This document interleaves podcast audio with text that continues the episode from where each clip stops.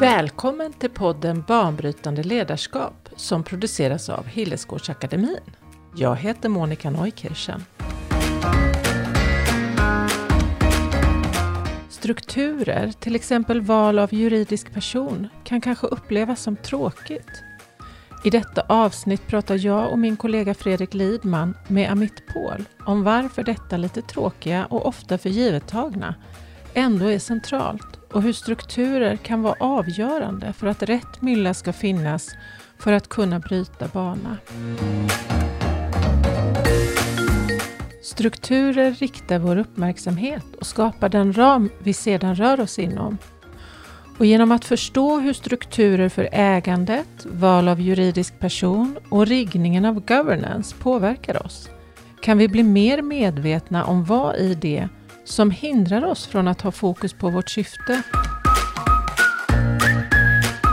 Vi pratar om en modell som Amit tillsammans med sin kollega har konstruerat för att kombinera den ideella världens vilja att göra gott med aktiebolagets handlingskraft och fokus på lönsamhet. Samtalet handlar också om juridiska personers personligheter, om vikten att ha ett öppet sinne och om att våga tänka nytt. Vi börjar samtalet med att Amit presenterar sig. Men man kan nog säga, jag brukar tycka att det är kul att säga att jag har haft eh, tre karriärer. Och att jag, att jag i mina tonår, min första karriär var liksom i musikbranschen. Som en, en fjärdedel av A-teens. Så då åkte vi, härjade vi runt i hela världen i sex år. Och, och sålde skivor och, och liksom turnerade. Mm. Så det är otroligt så här, formativa år. Ja, liksom. Men så här, verkligen fått hantera liksom, det här med berömmelse, apropå ja, glamouren. Ja. Liksom, så. Och sen så blev jag handelsperson och fullt identifierad i det. Alltså Handelshögskolan? Handelshögskolan i Stockholm. Och sen så, eh, apropå symbollekar, så var jag inne liksom och slirade i det här managementkonsultspåret och kände ganska snabbt att, att jag inte, var det var inte riktigt min väg. Och det handlade någonting om det här med, liksom, med komplexitet och att jag ville liksom, det, det, mm. det, var liksom inte, det var idéer och det kändes inte riktigt rätt. Så då begav jag mig in i flamskyddsbranschen. Så vi jobbade vi med um, hållbara material. Mm. Och i det så började jag förstå, liksom, verkligen förstå den här som är den här klyschan om att det spelar ingen roll hur bra te den tekniska lösningen är. Därför det är inte det som styr. Uh, så att när, jag, när vi var billigare och grönare och hälsosammare och bättre och folk ändå inte köpte, mm. så började jag undra vad är det som är på gång här? Liksom. Och samtidigt så fick jag barn. Så det blev också liksom viktigt att både börja titta på hur funkar jag mm. och så blev det viktigt att börja titta på hur funkar världen. Mm. Och så de två sakerna har pågått under de sista kanske ja, men sju åren ungefär. Mm. Eh, och det har lett mig till det här inre utvecklingsspåret mm. som är då liksom på något sätt blir temat för min tredje karriär. Så, mm. så jag har liksom gått från någon form av så här, nu, ska vi, nu, nu, nu uppträder vi till nu ska jag rädda världen, till eh, världen kanske är okej, okay, men, men det finns saker som man kan göra annorlunda. Och det är ja. kul att göra annorlunda. Jag tycker det är kul att tänka nytt. Mm. Och kul att liksom hitta de här, ja, men, de här eh, ojämnheterna och mm. liksom hålen i vår, vår, eh, i vår värld som man kan mm. Göra något med. Liksom, där man kan få, få dansa lite en stund. Men det, det vi tänkte börja prata om, så får vi se vart samtalet tar vägen. Det är ju det här med strukturer. Mm. Jag har ju mest fokus, ska jag säga. Jag har jobbat mycket med strukturer, mm. jättemycket. Och jobbar nu mest med män, människofokuset. Mm. Eh, så att när jag skulle läsa på då om din modell, som då heter RCO, mm. Regenerative Community organism. Ganska mycket glimt i ögat. Ja. När vi, men det blev ett bra akronym. Ja, precis. Så re regenerativ är ju samma sak på svenska. Ja. Community, gemenskap? Eller? Gemenskap eller um, det är väl kanske mer än gemenskap. Det är väl liksom någonstans mitt emellan gemenskap och förening tänker jag. Ja, det just det. Liksom. Att vi, liksom- vad är det som förenar oss? en kommun är ju någonting som förenar Så oss. Ja, ja, ja precis. Och organism är organism. Liksom. Ja. Precis. Så att det är någonting Som levande lever. i det ordet. Viktigt. Ja. Och då, då, fick jag, då fick jag syn på den där och började läsa om den. Och då tänkte jag, herregud vad tråkigt med sådana här beskrivningar av en, av, en, eh, ja, men av en juridisk person, alltså ett, en bolagsform Ja. eller vad man ska kalla det. Eh, men sen när jag lyssnade på dig prata om varför Ja. du har skapat den här, så Ja. tycker jag att det är jättespännande. Och jag har ju, vi ska snart prata om den Ja, och ja. din resa där, men jag har ju jobbat i eh, partnerägda konsultbolag, Mm. jag har eh, börsnoterade ak- aktiebolag Mm. och jag har jobbat kommunalt och jag har jobbat statligt. Mm. Eh, Bra spektrum. Ja. Precis. Och eh, när jag då, eh, framförallt då när jag jobbat som konsult Mm. i, i eh, dels ett börsnoterat bolag och ett partnerägt bolag. När jag gjorde det så fick jag inte riktigt ihop vad det berodde på. Men vi formulerade ett syfte, vi, ska, sk- vi hjälper dig att skapa effektiva organisationer, eller någon, något sånt syfte. Mm. Och det var genuint från mig och jag tror ifrån alla. Och sen blir det ändå inte så. För då kommer Excel-filen upp med röda siffror och då är det inte I slutet av dagen så, är det, som så är det fram. vinst, det är Ja. Mm. avkastning till, till delägarna, det är vinstmaximering, det är att alla anställda konsulter ska Ja, vara nu, belagda. nu när jag håller på att gå i pension, kommer ni ta över mina andelar här? nu, Så att Ja, jag kan ja. det- realisera mina drömmar bortom i Ja, för då, och då kommer det fram liksom att alltså, det går ganska snabbt Mm. att man skapar ett bolag med ett syfte och plöts, plötsligt så, så är syftet att egentligen eh, i praktiken är syftet att företaget ska gå med vinst. Mm. Och det där är jättesvårt att se. Mm. Eh, men det är, så, det är så incitamenten är byggda. Mm. Så att när vi ska bygga upp Hillesgårdsakademin Mm. så, så sitter ju vi så här, fast jag vill inte in i det där. Jag vill rigga en struktur som skapar rätt incitament. Jag vill ha ett ankare till syftet Mm. så att jag kan vara trogen det. Mm. Och inte styras av en struktur och en bolagsform som skapar, och det måste ju inte bli så, men det är ganska, det, då måste jag lägga energi för att det inte ska bli så. Mm. Ja, magnetismen är så stark i vissa strukturer. Ja. Att det kan över tid vinna över individers intentioner. Mm. Precis. Så tänker jag. Jag och, tror jag misstänker, höra Ja. hur ni tänker. Ja. Och ju större det blir, desto svårare är det att hålla kontroll på det där. Mm. Eh, och då har ju vi valt stiftelseformen. Mm.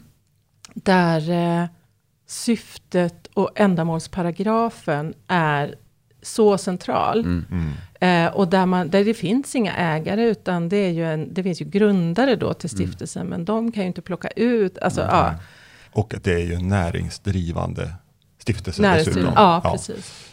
Så att, eh, och, och så finns det ju mer såklart att säga om det. För att bara starta en stiftelse är ju en sak. Mm. Och den kan ju bli helt död. Så. Ja, ja. så att, eh, men eh, det där är för oss centralt. Och för dig Monica, eftersom jag har sett dig på nära håll i dina beslut. För du och jag har ju varit med från början. Mm. Från de första myrstegen till att skapa den här akademin. Det gör ju ont i din kropp. Mm. När du tänker på om du är på väg in i ett system igen där det är slutändan ändan är vad var och en av oss får ut ekonomiskt utav det hela Ja. som styr. Ja, så är det faktiskt. Och jag har ju varit i sådana organisationer själv, även om jag inte har varit just, jo jag har varit delägare i ett fall, men det var så liten Mm. organisation. Så att, så att det där sitter djupt och jag håller helt med om det där. Eh, och därför är det så spännande med vad du och Nils van, von Heine, Från henne. von Heine, ja, vad ni har försökt göra.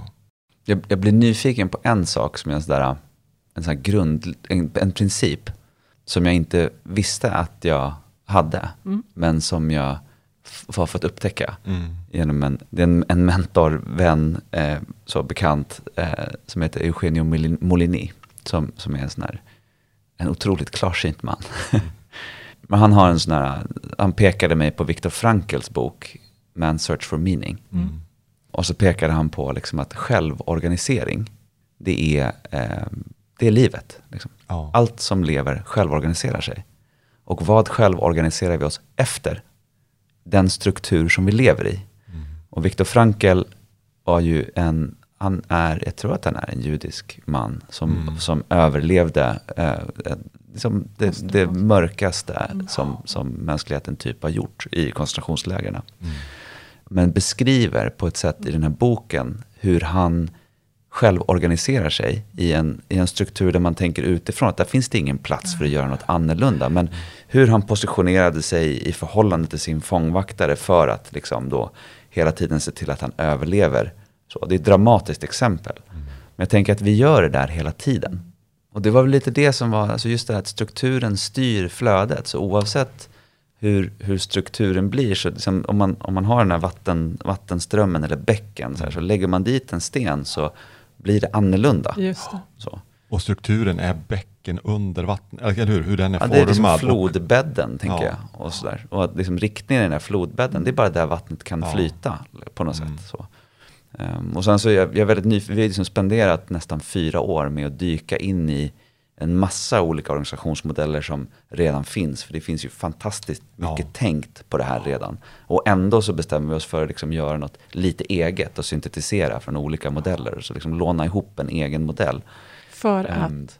Ja, men just för att på något sätt så tänker jag att varje, varje struktur är en reaktion på någonting.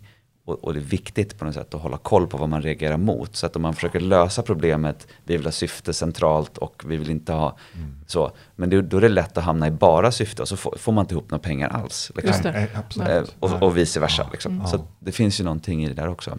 Men så att tre frågor har liksom varit på något sätt grundande för mig i, den här, i min introduktion. När jag pratade om vem jag var så jag att för sju år sedan började jag fundera på så här, hur funkar världen egentligen? Ja. Så här, och det har varit väldigt levande. Um, hur funkar världen egentligen? Och sen så den, en annan del som har varit så här, måste det vara så här? Och då kan man ju läsa ekonomisk teori som så här, Thomas Piketty eller, eller, som är liksom, ja, eller, eller Maria Mazzucato. Eller liksom, så massa sådana här liksom, som, som har kritik mot det nuvarande ekonomiska systemet. Som pekar på en massa liksom, komponenter utav det där som är jättespännande. Och i princip så är slutsatsen bara så här, nej, måste inte vara så här. Nej, nej. Vi har, men vi har det så här just nu. Vi har det så här just nu. Och, vi, kan göra det på ett annorlunda sätt. Och vi Ja. har gjort annorlunda. Ja, Jättemånga och gånger kommer förut. göra annorlunda. Ja, Frågan är hur. Exakt. Ja. Så det är så här, och så måste det vara så här. Hur funkar världen? Måste det vara så här? Och sen så, så här, vad är ett företag? Mm. Ja, vad är det ja. egentligen? Så här, eh, och, och just det här som du var inne på också, att man har en, ett eget ansvar eller att man har en egen, att, att jag är inte utanför företaget utan om jag skapar ett företag så är företag, jag är en del av företaget och företaget är en del av mig.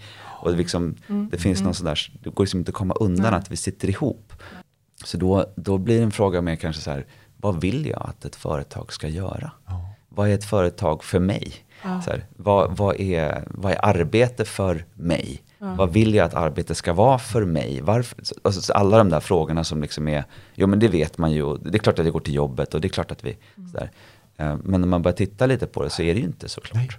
Nej. Nej. Nej. Och det börjar ju skifta lite grann i alla fall. I alla fall i pratvärlden börjar det skifta. Mm. Och många längtar efter något annat. Ja. Och sen är det vissa som ger sig på att pröva Ja. och, och vissa av dem lyckas. Ja. Men, men det är ju svårt att befinna sig i en berättelse Ja. och börja starta en annan inom ramen för den berättelsen. Ja, och med precis. berättelse menar jag ju eh, Ja, vad, vad, vad tar vi för sant? Alltså hur ser det här systemet Föreställningsvärld, föreställningsvärld? Mm. Och jag lyssnade igår på, för jag går MITs U-lab. Och då var det en livesändning igår. Du skrattar? Nej, fantastiskt. Ja, ja, ja. Jag blir så glad. Ja. Ja. Eh, då var det en liveföreläsning igår och en kvinna från ett företag som heter Eileen Fisher. De gör kläder. Mm. Då eh, pratade de om just vad är ett företag och hur bygger vi upp det. För då sa hon så här att men vi har kvadrupla bottom lines, Mm. quadruple bottom lines. Profit, Mm. det vanliga, bottom line. Mm. People, Mm. mår medarbetarna bra. Mm. Planet. samma. Planet Mm. Mm. och purpose. Ja. Ja. Och vad är framgångsrik? Mm. Hur, vad, hur, hur är vi när vi är framgångsrika? Ja.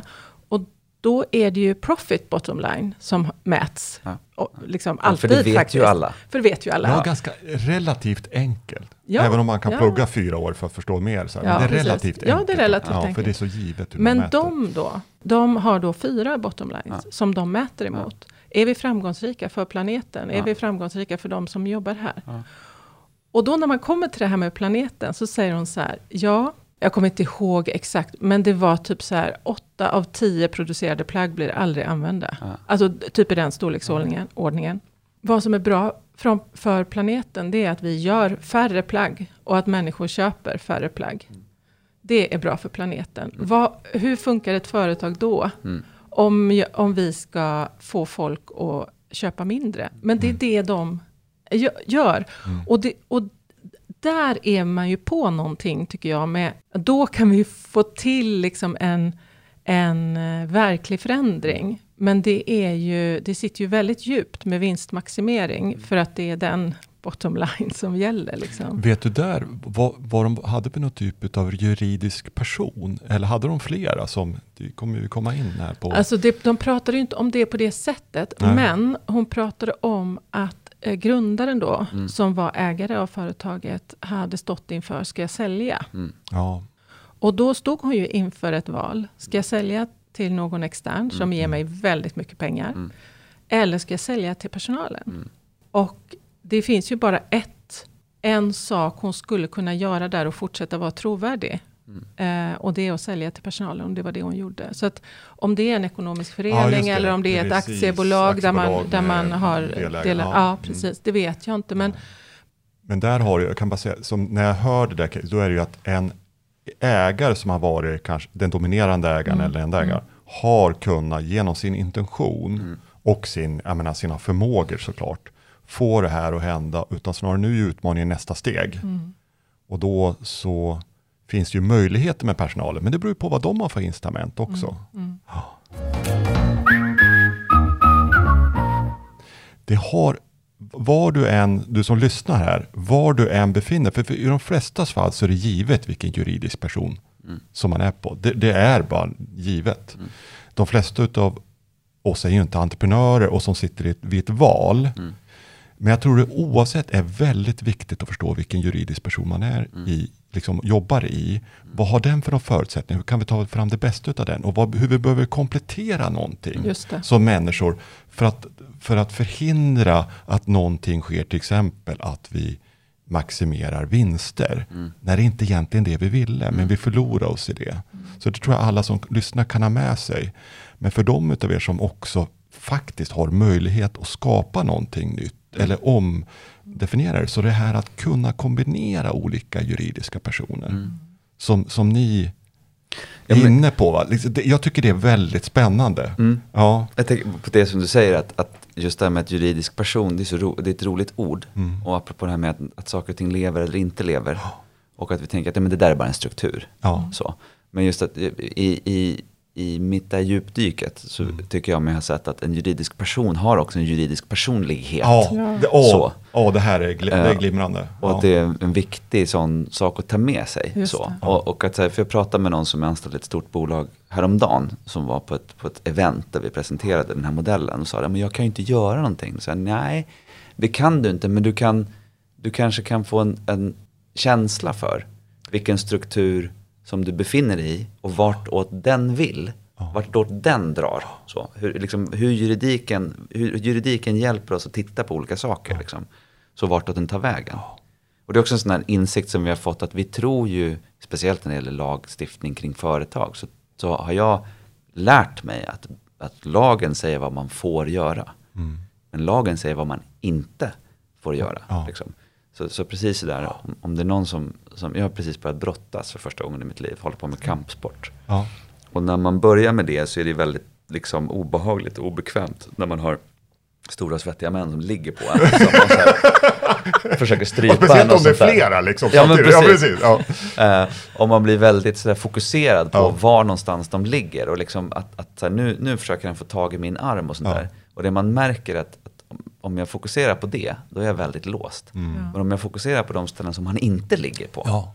Liksom. De är väldigt svåra att känna, för det är inte så vi tänker. Alltså, det är inte så man vanligtvis känner. Nej. Men det är lite samma sak liksom, i, i att, här, jag har Var ju- finns det ett utrymme var någonstans? finns det ett utrymme? Hur kan jag röra mig? Även om det känns så här, men jag kan bara röra en stortå. För det är liksom, nu är jag låst. Men så rör man stortån så känner man att foten var lös och, och benet var löst. Och, nej men kolla höfterna var löst, jag kan börja rotera. Alltså, det blir, det blir ehm, på ett annat sätt. Man måste på något sätt känna sig in i det där. Och det, jag tänker det med juridiska personer också. Liksom, att de, vissa saker sitter de fast i. Liksom. Man har sagt att så här, det där får du inte göra och det där får du inte göra. Så här, det här får du absolut inte göra. Så. Men, men det är egentligen ingen som säger vad de får göra. Utan det kan vi få liksom drömma ihop själva. Så det är ganska fantastiskt egentligen det systemet vi har skapat. Liksom. Men det du säger kring strukturer. Ett antagande är att strukturer är döda. Ett annat antagande är att nej, de är inte döda. De har och får efterhand ett eget liv eller personlighet som du Ja. säger. Då kan man se på dem på ett annat sätt. Ja. Inte som en sten liksom, som antar är död. Va? Nej. Utan de får något eget liv. De blir animerade Ja. utav oss som befolkar dem. Och med sin struktur. Liksom. Och en, en sån här otroligt provocerande, eller jag vet inte om det är provocerande, men en, en sån här tankeväckande perspektiv som jag sitter med nu. Eh, är att strukturer också, den energi, eller den liksom, neurokemi som vi gick in i när vi skapade strukturen. Mm. Så här, jag blev så arg så jag skulle starta det här, så jag startade det här företaget för att liksom göra om så. Ja. Eller, men jag har startat det här företaget för att, för att jag vill höra till. Liksom. Jag vill skapa en till, ett tillhörande. Det är olika. Det ena är liksom någon form av adrenalin och det andra Mm. kanske är liksom oxytocin eller något liknande. Sådär, liksom, i, i, I ett känsloregister. Mm. Men att, att den, det fingeravtrycket, eller den liksom, det finns en, det bär med sig Ja. igenom. Och det var det som jag liksom upptäckte lite också när vi tittar på de här modellerna som finns. Att vi, vi reagerar mot någonting och så försöker vi skapa någonting nytt. Mm. Och det där, den där motreaktionen, det är viktigt att hålla koll på historien där Mm. i så här, vad var vi reagerade mot? Är det fortfarande relevant? Ja. Liksom? Är det fortfarande relevant? Och apropå den här, det vi har gjort, om man går in då, vi, vi föreslår att man sätter ihop en eh, ideell förening Mm. med ett aktiebolag. Mm. Och vi kan prata mer om det. Men, men istället för då, som du var inne på tidigare, att man sätter ihop en, en stiftelse, Mm. till exempel, med ett aktiebolag som är vanligare. Ja, det är Det- väldigt vanligt. Det, ja. Mm. det, och det är mycket liksom, syftesdrivna bolag som gör det. Mm. Men det som vi inte gillade med stiftelsen, Mm. det var att den är väldigt, när, när man har satt den till, intentionen är väldigt satt. Ja, Så. det, mm. Medan den här föreningen, den ideella föreningen, den kanske kan bli mer som det här ägarledda, ägarägda, Mm. eller så, managementägda bolaget. Att, att det, liksom, det formas av vilka som råkar sitta i management just då. Just det. Alltså det finns ett flöde av folk där och folken, folk, människorna, eftersom vi har föreningsrätten som vi har i Sverige, det är de som liksom styr den här intentionen. Så det blir liksom en, det finns en demokratiaspekt utav det och en föränderlighetsaspekt utav det. Ehm, och det har också att göra med liksom i min egna utveckling så saker som jag tyckte för, för 10 år sedan eller 12 år sedan tycker jag nu är helt bisarrt. Och jag är helt övertygad om att om 10 år igen så kommer jag tycka saker som jag tycker nu är så här, men lilla vän. Liksom. Ja, men där var Herregud, du då. Så, ja, Ja. Vad fint att Ja, du behövde att det där just då. då. Ja. liksom. Mm. Det var det du behövde lära dig. Men att, att det finns en, ett utrymme för att saker och ting vecklar Ja. ut sig. Så att Ja, säga. Ska du säga några ord om RCO? Ja, men den, den består av tre lager, skulle man kunna säga. Och, och en sak är ju det här syftet då, som vi formulerar det vi kallar för en source code, eller en källkod. Mm. Som man också skulle kunna förstå som någon form av konstitution. Så. Just det. Så här. Och den, när vi började skriva den så... Som går bortom föreningen och ja, precis. Det är ett det dokument. Ja, precis, bredvid. som bredvid, liksom. ja. Det är mer det- som ett manifest kanske Ja, man skulle säga. En riktning, en horisont som vi styr en på. deklaration nästan. Ja, som, precis. Eh, och när vi började skriva den så var vi liksom inne i, och vi, sk- vi skrev och skrev och vi ska göra så här och så här ska mötena hållas och det här ska vi ha dokument och det här ska vara transparent och så här. Vi löste liksom all världens problem för så här, när vi, och, och när vi har, när vi har 10 000 medlemmar i föreningen, då kommer vi behöva och, och så, så var det någon, en, en god vän till mig som sa, vad är det du försöker kontrollera för? Ja. Liksom, vad, vad, vad gör du för någonting? Så, så vände vi på steken egentligen och sa, så vad behöver vi precis just nu? Mm. Så skrev vi det. Så nu, den är väldigt kort och den hanterar principer, den han- hanterar liksom några processer, eller, ja, principer, syfte, principer, några processer, nå- sådär. Ja. Eh, och lite så konflikthantering och sådana saker. Eh, men i princip så är det det. Liksom. Det, det är ett väldigt kort textdokument som vi liksom har skapat. Så det är, liksom, det är en, en entitet som är väldigt viktig. Sen har vi två, de här två organisationerna. Mm. Eh, och då, då apropå de Så här föreningen med personlighet. och- Ja, Ideell förening och Ideell förening, aktiebolag. Ja. Och så har de två olika personligheter, så vi tänker att aktiebolaget, det är liksom fin, det är så här, lite, det har en, en, en maskulin energi, någon så arketypisk liksom så här, riktning och nu kör vi. Och Det är vänster hjärnhalva, tänker jag också, va? som greppar och ska manifestera någonting och manipulera någonting. Och manipulera men inte negativt, nej. få någonting att hända. Ja, precis. Rikta uppmärksamheten. ja. Ja, men vänster hjärnhalva är väldigt bra. Liksom. Och det är ganska, ganska säkert. Man Ja. delar in saker i saker och så vet man någonting och så kör man mot det. Liksom.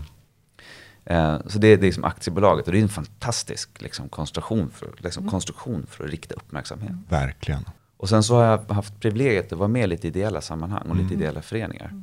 Och när man är med i sådana ideella föreningar så märker man att så här, eh, först så kommer man in, jag kommer in med mina handelsögon och så tycker jag så här blir ingenting gjort. Ja. Otroligt frustrerande. Precis. bara pratar och pratar och pratar och pratar.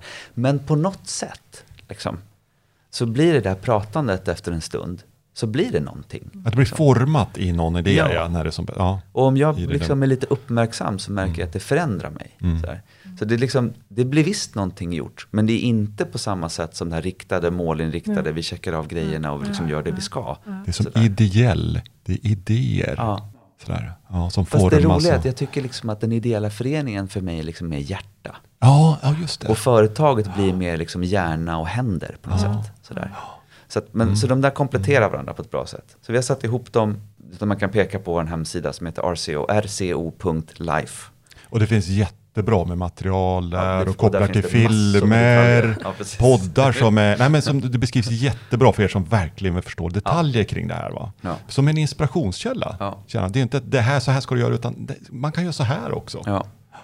Och de här två enheterna, de, de för ett samtal med varandra. Liksom. Hela tiden. De måste relatera till varandra. Och det är viktigt. Liksom. Så den här, på den här nivån ska jag också säga att här har vi lånat, det finns en, en man som heter Hans Hassler. Ja, Plantagon. Plantagon och som har en modell som heter kompanisationen. Och i, liksom, i första steget när vi sätter igång det här och börjar, då är det i princip en kompanisation. Så. så han har också jättemycket fin liksom, litteratur och, och så. Och där, dit kan man också vända sig för att se ett annat perspektiv på samma sak. Och sen har vi den tredje delen då, så nu har vi liksom gått igenom någon form av det här manifestet och så har vi de två juridiska personerna och sen så har vi en intention och vi har olika liksom förslag och mekanismer. Men det, liksom, det finns en idé om att om vi tror att ett företag lever så tänker vi att saker som lever har åtminstone tre faser. Man föds, man har kanske någon form av tillväxt liksom, i, i samband med den här födelsen. Och sen så, så blir man mer komplex, man, man liksom växer inte längre. Utan, utan det, finns, det sker någon komplexifiering, eller någon mognad kanske man skulle kunna kalla det. Och så dör man. Och det föreslår vi även för den här Ja, för helheten, entiteten, för, hela helheten. organismen. Ja. Ja. Mm. Och även delar i organismen kan, Ja, liksom kan. få, Precis. få bölja. Men att, att vi, har, vi ser på de här sakerna som dynamiska. Och att företaget, eh, företag som startar behöver ofta Ja. växa en stund. Men vid något tillfälle så kanske de inte behöver växa mer. Nej. Så. Så- Eh, så att det är återigen det här ordet med tillräckligt som kommer tillbaka. Liksom, att, så här, Vad är tillräckligt? Och så bjuder vi in ägare och grundare och de som sitter med den här liksom, brinnande längtan att göra någonting. Att, att liksom reflektera över det till en början. Och sen sätta ner det i ett dokument och göra det synligt för föreningen. Ja, Så, ja. så att man, man börjar prata om att så här, men när vi har vuxit så här mycket, när vi har, och det kan ju vara till 10 miljoner i omsättning eller så kan det vara till en miljard i omsättning. Ja. Så det, eller i värde, eller vad man nu liksom ser att man vill strukturera efter. Men vad som är tillräckligt för mig i den här kontexten för det som jag försöker göra. Så, var explicit med det.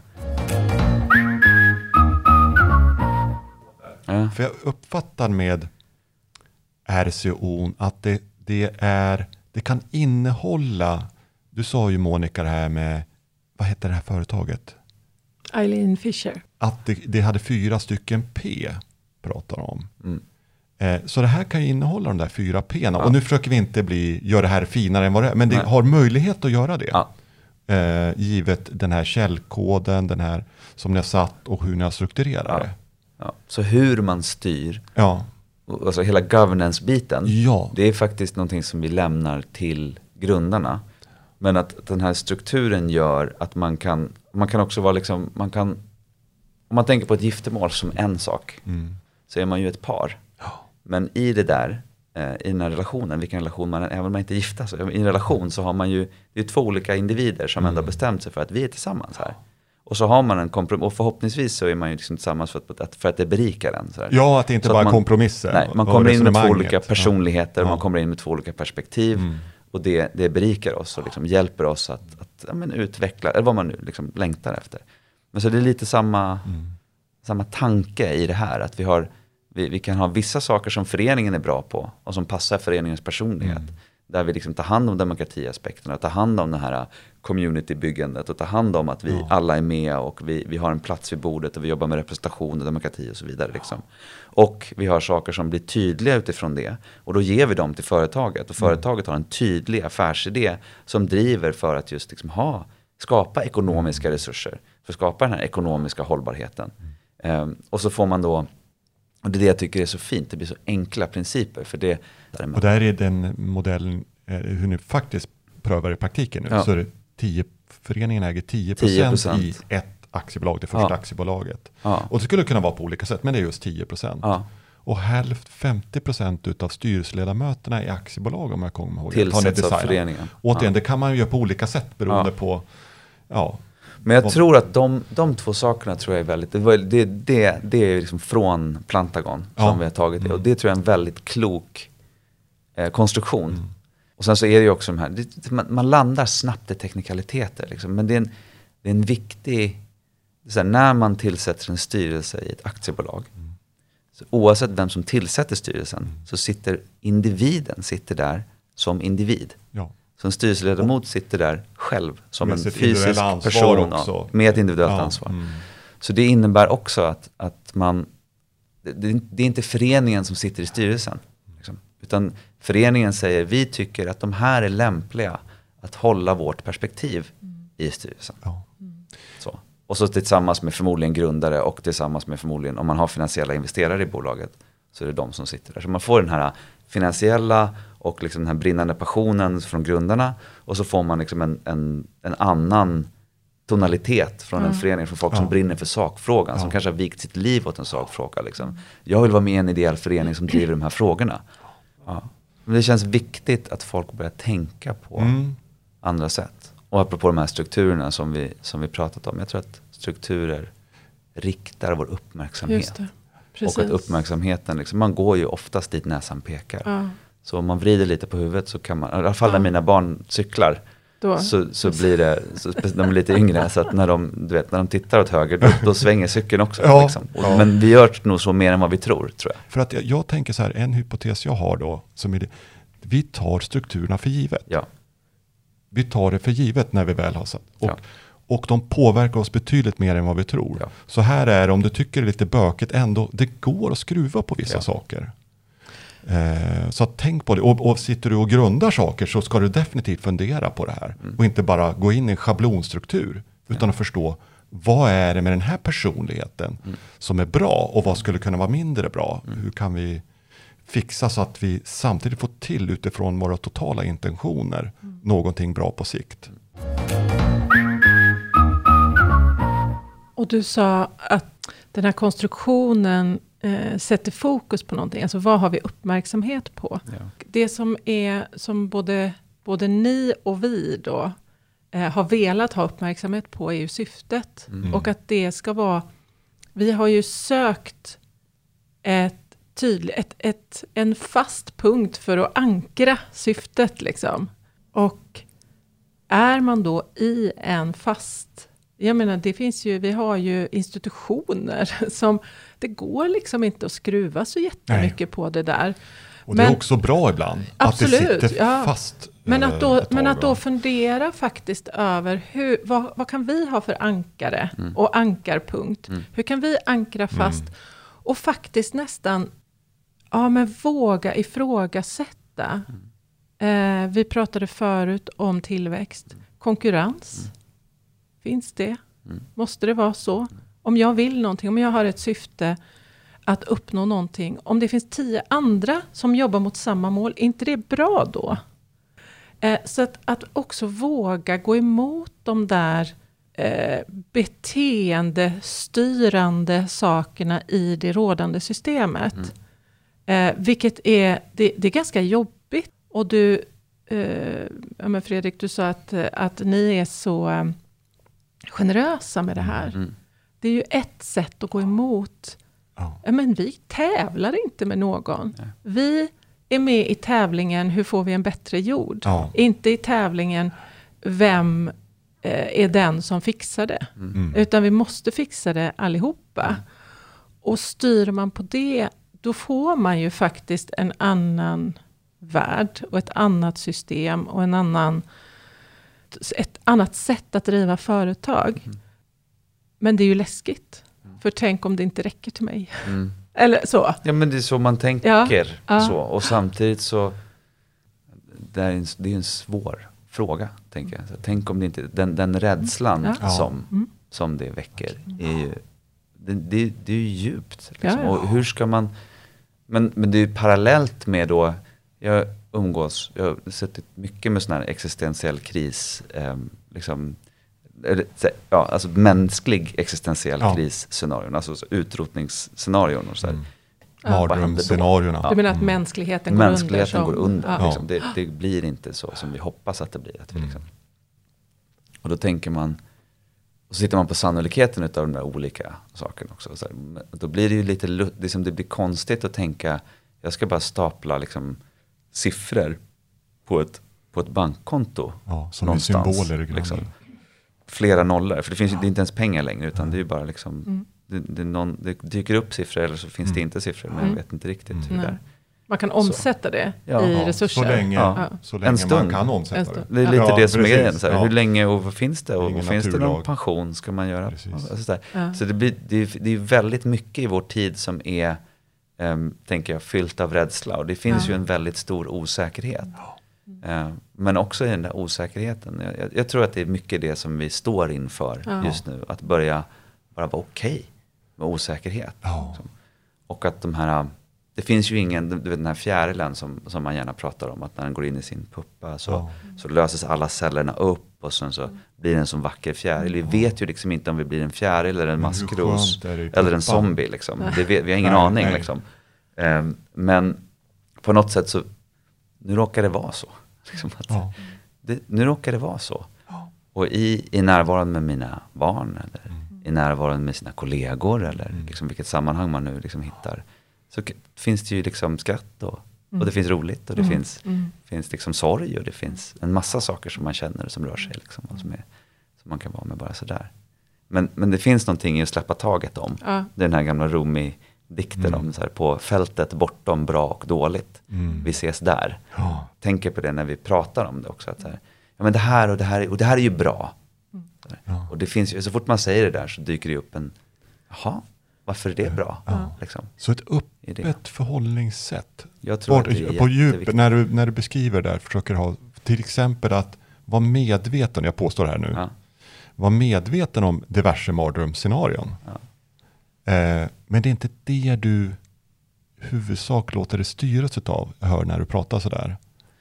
Det här med att umgås med, med sådana mardrömsscenarior. Mm. Jag tror man, man kan göra det Mm. om man, om man kan stanna i kontakt. Ja, och vilken kontakt Om man- pratar du om? Ja, Jag, alltså kontakt med sig själv, om man Ja. inte liksom blir överväldigad av rädsla. Men jag tror samtidigt också, jag har, har vänner som inte eh, klarar att liksom stanna i kontakt. Nej. Utan det, liksom, det, det blir för jobbigt eller man, man vill gå någon annanstans eller man, man, bara, man liksom orkar inte. Då tror jag inte att det är bra. Men, men också sådär, apropå det där med saker som har en, en känsloton. Liksom. Jag är till exempel inte särskilt, jag läser inte nyheter särskilt ofta. Mm. Jag är inte involverad i liksom, nyhetscykeln. Mm. Men jag läser jättemycket i liksom så här politisk teori, Ja. ekonomisk teori stora rörelser. Liksom så här. Försöker förstå liksom de underliggande faktorerna i vad som händer i världen. Så det har varit mitt val för, att liksom, för det där, den här rädslofrekvensen som kommer i nyhetsrapporteringen. Och nu, nu var det en till som blev skjuten och nu var det något som Ja. brann och det var liksom en, en barn som blev kidnappad och de där dog och så var det liksom, ja, översvämningar och allt vad det var för någonting. Och nu, och, och, och, och, liksom. Jag hör fler och fler som säger det. Ja. Att man inte vill vara del av det där flödet eh, av det skälet. Och samtidigt, så, jag har ett, jag har ett någon typ av så masochistiskt eh, eh, beteende som är att jag kan gå in på en, ja men typ i sociala medier, Mm. så går jag in på en Expressen Mm. eh, artikel och tittar på kommentarerna. Ja, ja, ja. Och då får jag insyn i en annan sida. Och, eh, och då när jag tittar i de kommentarsfältena så är det inte på plats, från platsen bortom bra och dåligt. Utan Nej. det är eh, affekterat. Ja. Och det är så här hundratals, ibland tusentals kommentarer. Ehm, så det är ju ett litet, litet stickspår. Men det är ju Men det kopplar ju definitivt till strukturer i Ja, alla fall. mm. Ja. Liksom, på väldigt, I väldigt liksom direkt mening. Alltså, vi har en viss tonalitet i media därför att det är effektivt. Ett effektivt sätt att fånga exakt. oss. ja, Att liksom, det är som man pratar om i den här The Social Dilemma som är en film om, Mm. om sociala medier. Alltså, det, som, som limbic hijack. Att man, liksom, man tar det limbiska systemet, det starkaste vi har. Där sitter rädsla bland annat och ilska och Ja. sådana där saker. Och så liksom rycker man in oss med det. Eh, och, och det är ju väldigt liksom, effektivt. Och så gör man det och så gör man det och så gör man det. Och sen så mer avtrubbad blir man. Sådär. Så man, man tappar förmågan att känna. Alltså jag tänker också att det, om man tar in det i en verksamhet, oavsett juridiska personer Ja. och sådär och kombinationen av dem, men in i en verksamhet, hur pratar vi med varandra där? Ja. Och om vad? Ja. Egentligen har vi det där också. Ja. Och vad får vi inte säga? Vad får vi inte säga och vad är det vi ska säga? Och vad är det vi får för oss att det är viktigt att säga och, och på ett visst sätt? Jämfört med att prata varandra på, med varandra på, ja, men på riktigt med allting vi kan bära in i en fråga. Ja, men det är väl en av de saker som du och jag, och jag tror du också försöker bidra till. Att kunna prata så autentiskt som det är möjligt Ja. om frågor. Så vi ser all komplexitet och våga vara i den. Utan att gå till för enkla lösningar för snabbt och sådär. Så det finns där också. Det, det är väldigt mänskligt det vi pratar om. Och det där tror jag, om, om vi liksom vänder tillbaka till RCO-modellen. Mm. Återigen att vi inte valde att sätta en stiftelse i, Mm. i styrningen. Det är för att jag tror, det, det har jag hopp för. Eller jag tror fundamentalt på människan. Ja. Och det är en, det är en villkorslös tro. Liksom. Och jag tror att alla de här uttrycken av människa som vi ser nu, bra eller dåliga, Ja. beroende på hur man dömer det så att säga. Det, det är liksom konsekvenser av någonting. Men fundamentalt tror jag att vi har liksom, det finns något fantastiskt i mitten. Ja. Så därför så har vi satt människorna i styr, vid styrpulpeten på något sätt genom den här föreningen. Ja. För det, det är en väldigt vanlig fråga från oss idag då, eller från folk som vi pratar med idag. Så här, men hur kontrollerar ni det här? Ja. Och då säger vi, det gör vi inte. Det går inte. Nej. Ja men det skulle kunna, ja det skulle kunna bli Precis. tokigt. Liksom. Det är helt rätt. Och det kan bli något helt annat än vad vi Ja. Vill. ja, Men det finns någonting i att vi försöker acceptera det då också. ja. ja, för att ni som har skapat det, du och Nils, är också människor. Ja. Så vad ni vill nu och säga att det är 50 år, om 50 år så lever det här fortfarande, då är Ja. det några andra va? Ja. Så det är också det, nej men vi hade den här intentionen, sen litar vi på nästa generation. Ja. Vi litar på våra barn och Ja. barnbarn va? Och det är också sån här roligt, jag, jag pratade med en är involverad i materialteknologi fortfarande då. Från, eh, och så pratade jag med en, en eh, person som är en nära vän och, och han är väldigt ingenjörig liksom Mm. i sitt sådär sätt. Och så pratade de om, det finns den här, Donald Rumsfeld pratar om såna här kända, kända saker, alltså saker som vi vet att vi vet. Han var försvarsminister, Ja, försvarsminister. i USA under Irakkriget tror tror jag. Ja, mm. Så det är som known knowns, saker som vi vet att vi vet. Eh, known unknowns, saker som vi vet att vi inte vet. Och sen så finns det en tredje kategori som saker som vi inte vet att vi inte vet. Ehm, och då så har vi liksom hållit på att planera en stor eh, eh, produktionsanläggning och då så sa min, eh, min kollega, sa så här, ja men jag, jag är helt säker på att nu har vi verkligen, eh, nu har vi verkligen, jag har ordentlig koll på alla de saker som vi inte vet att vi inte vet.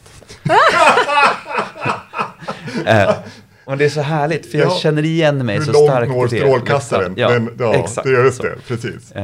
Ja, och så, så just den där, um, apropå den här friheten, att, Mm. att vi är grundare, vi är människor. Och, och jag är helt övertygad om att det är så mycket saker som jag inte ser. Ja. Så.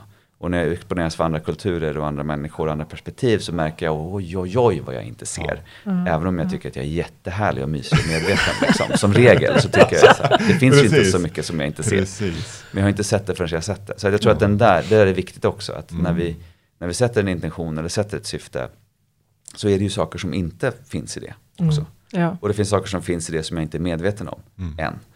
Ehm, så att det där är, Ödmjukhet ja, är det. Ja. precis. Det finns också någonting i de här, det finns ju jättemycket tänker jag, att lära sig från andra discipliner. Jag är ekonom i Mm. grund och botten då. då. Men just att börja snubbla in i sådana saker som antropologi och liksom Ja. den typen av Det berikar. kulturstudier och sådana saker. Jag tänker specifikt på, apropå det där som du pratade om på arbetsplatsen. Att det finns ett ramverk från Carol Sanford där hon pratar om att det finns fyra parametrar som man kan titta på för att, först- för att titta på en kultur. Status, vad får vi status av i den här kulturen? Eh, artefakter eller totem pratar man om då. då. Så vad, vad är det för objekt som finns i den här kulturen? Vad är det för saker som vi liksom, eller beteenden eller liksom, so- som, som vi gör? Eller som vi har, som är viktiga. Eh, ritualer, har vi, hur, vilka möten har vi? Ja. Hur, hur går de mötena till? Vem är det som börjar prata? Var sitter folk? Alltså den typen Vad av firar vi? Vad firar vi? Och när vi Precis. träffas ute, både i virtuella rummen lite friare och kontoret, hur, hur, hur, vad är ritualerna då? Ja. Hur ska man umgås där? Ja. Hejar man på varandra? Vilka hejar man på? Precis, Varför? kramar man? Kramar man? Skakar ja. man hand? Liksom sådana där När jag jobbat, hade jobbat som managementkonsult i sex år, sista tre åren på McKinsey. Och det var ju jättebra på Ja. McKinsey på många sätt och vis, men det var inte en kramkultur kan man Nej. säga. Eh, och jag var ju officer långt före det, där höll man inte på att kramas heller. Eh, och så kom till en startup som anställd och kommer första dagen. Eh, och då kommer en av grundarna fram, ja men Fredrik, och kramar mig. Och jag är bara så här, ja nu är det ett nytt liv. Liksom. Apropå en helt annan kultur som kommer skapas här. Liksom. Ja, ja, ja. Och sen den sista där som är den viktigaste tänker jag, Mm. eller som vi oftast, den som är lite obekväm, det är tabu. ja, just det. Vad får inte plats i det här rummet? Ja, det är det så central ja. Och så återigen då, tillbaka till de här strukturerna. Vad får inte plats i den här strukturen? Om Mm. alla står och tittar åt det där hållet, vad är det vi inte ser? Just det. Så vad är ditt råd? Ja, herregud. jag ehm, låter mig mer och mer styras av eh, nyfikenhet. Och sen så, så var det, jag pratade med en, en vän som, som har drivit ett, stort, ett större bolag, sen, fram, väldigt framgångsrikt. Och han sa så här, men jag tror inte på, då pratade vi engelska, så sa jag, tror inte på det här impossible. Så här. Eh, och så höll vi på att leka med det där och sen så sa vi det, men det kanske är I am possible. Ja, det. Alltså Ja. en inbjudan till att Ja. hitta något annat. Så jag, jag tror liksom, så här, det, det är, jag tror inte att saker är förutbestämda. Utan, utan så här, om, om man längtar efter det så, så går det. Eh, och det finns inget som behöver vara på något sätt överhuvudtaget. Men, men det är också så att det betyder också att det kan få vara precis hur som helst. Vilket innebär att så här, om det känns rätt, låt det vara. Och känns det inte rätt, låt det inte vara. Sådär. Men låt nyfikenheten guida tror jag är en sån där grundprincip för mig. Finns det någon fråga jag skulle ha ställt? Jag har ju min, min Excel-del i hjärnan blir alltid sådär lite stressad. För jag tänkte, så här, kommer folk förstå? Och, och, och liksom, fick vi med de viktigaste punkterna och var det tillräckligt strukturerat och sånt där. Så, men, och samtidigt så tänker jag att det var, eh, för mig så har vi liksom berört de viktiga kärnpunkterna och principerna och kanske liksom, jag tror man får en känsla för, apropå det här med att historiken är viktig, varifrån det kommer. Och man, vilket problem vi har försökt, citationstecken, jag tycker inte om att man, jag tror inte man kan lösa problem. Så, men, men vilket vi, problem vi har tagit oss an i Just alla det. fall. Så. så på det sättet tänker jag att, att jag tycker att vi liksom har, vi har dansat på ett fint sätt här. Mm. Och så, och så finns det där lite mer riktade och kanske tydligare och klara, finns på hemsidan. Ja, Så är man som intresserad av det. Och där kan man också hitta kontaktuppgifter till mig. just det. Och så kan man föra ett samtal Ja. om, om vad ni vill göra. För jag ser inte det här som en modell, som är en lösning som är satt. Det är inte så vi tänker, utan det här är som en verktygslåda. Jag upplever att vi har hittat ett gäng frågor som jag önskar när jag startade bolag första gången. Att Ja. jag hade ställt mig då Ja. och gjort det tydligt då. Just det. Ja. Så, så att det finns liksom en intentionalitet i det vi gör. Och det är väl det som är den stora inbjudan. Sen har inte jag så mycket åsikt om vad man vill göra. Liksom. Vad fint att få prata med dig Amit. Ja, tack Verkligen. för att jag fick komma hit. Ja. Det var Ja. jättetrevligt. Detsamma. Så kommer vi fortsätta prata, tänker jag. Ja, ja, det får Det vi. gör vi. Ja, Sista ordet är inte sagt mellan oss. Aldrig, eller hur? är det ett hot? ja, precis.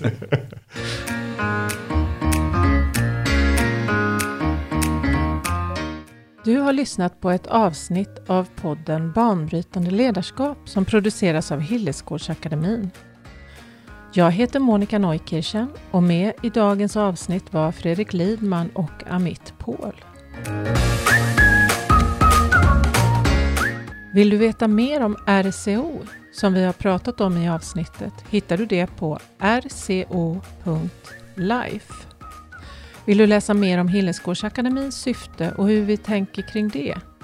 Gå in på www.hillesgardsakademin.se och gå in under rubriken Vår grund.